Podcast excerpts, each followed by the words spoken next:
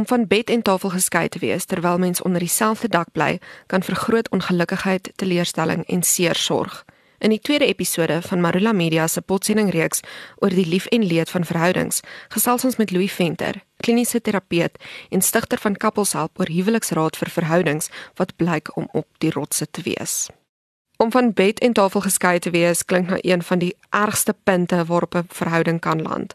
Wat ek wil weet is hoe die pad na hierdie punt lyk.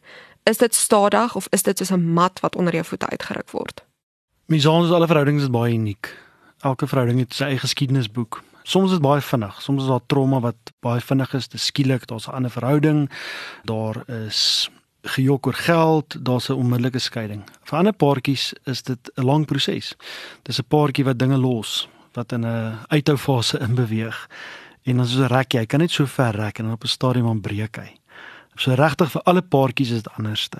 So een van die eerste vrae wat ek probeer vasstel in terapie is, is hierdie skielike trauma of dit langtermyn trauma? In my wêreld werk ek veel eerder graag met dadelike trauma, dit het nou gebeur waar as 'n paartjie dinge vir jare en vir jare los, is die pad terug eintlik so moeilik om deur jare se verwyte en pyn en seer te werk. Maar vir almal is dit anderste.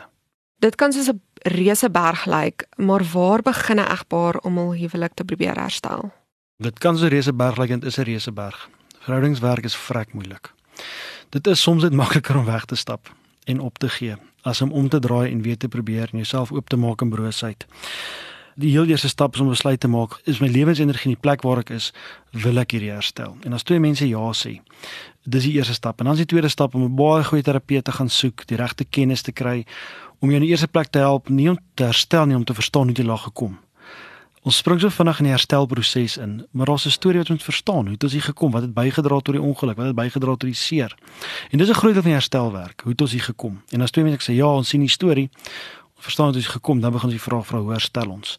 Maar in my wêreld is dit 'n proses. Dis um, om iemand in in jou vertroue te neem, 'n goeie terapeut, 'n goeie beraader, 'n goeie sielkundige wat julle kan begelei deur daai hele pad. Maar dit begin by 'n ja, ek wil graag hierdie herstel.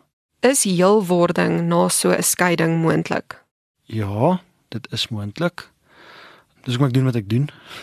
Ek glo altyd dat dit moontlik is, maar ongelukkig in my wêreld, alhoewel dit moontlik is, gebeur dit nie altyd nie. So al sê twee mense ja vir die herstelproses, kom ons soms agter dat die seer van die verlede net te veel is, dat die sny net te diep was, dat dit soms nie moontlik is om terug te beweeg nie. Maar die verhoudingswêreld werk ons vrek hard om verby daai punt te kom. Mense is baie uniek en hulle is broos en dit is nie altyd net so maklik om net weer te begin nie. So ons werk op 'n baie brose plek waar twee mense bymekaar kom. Is die antwoord altyd om die huwelik te probeer herstel? Is daar sekere verhoudings wat bloot net nie werk nie? Alle huwelike verhoudings kan werk. Twee mense kies mekaar vir 'n rede en as ons slim genoeg is kan ons dit maak werk as ons die regte verstaan het. Maar soms kan dit nie herstel nie. Soms is daar verhoudings wat net stap daar mense in waar dit net te seer is, waar een maat nie verantwoordelikheid vat nie, wreed is, in afhanklikheid is, wat nie bereid is om die storie om te draai nie. En die ander mens gaan dood in daai spasie. So dis 'n baie fyn lyn tussen om die huwelik te herstel as iets buite die paartjie en twee mense wat lewendig bly of een wat doodgaan. So as 'n paartjie instap is my eerste prioriteit altyd om te kyk of ons dit kan herstel. Die waarheid is daar is seker verhoudings wat nie gaan werk nie. Vir iemand wat nou in die bootjie is waar hulle moet begin aanvaar dat hulle verhouding nie werk nie. Watter raad het jy vir hulle? Hulle moet nie self besluit nie. hulle moet iemand gaan sien om vir hulle te help verstaan sit hulle met pyn waar jy kan werk of sit jy regtig met 'n maat of 'n situasie wat nie verantwoording vat nie. So ek dink almal van ons wat in 'n plek van moeg en seer en pyn is, gee soms net op en dink ja, dit gaan nie verander nie. Maar dalk kan dit. Ek dink kry hulp, praat met iemand dat iemand net help om jou lens en jou filter te toets en te sê gaan dinge nie verander nie. Jy kan dit nie net besluit nie.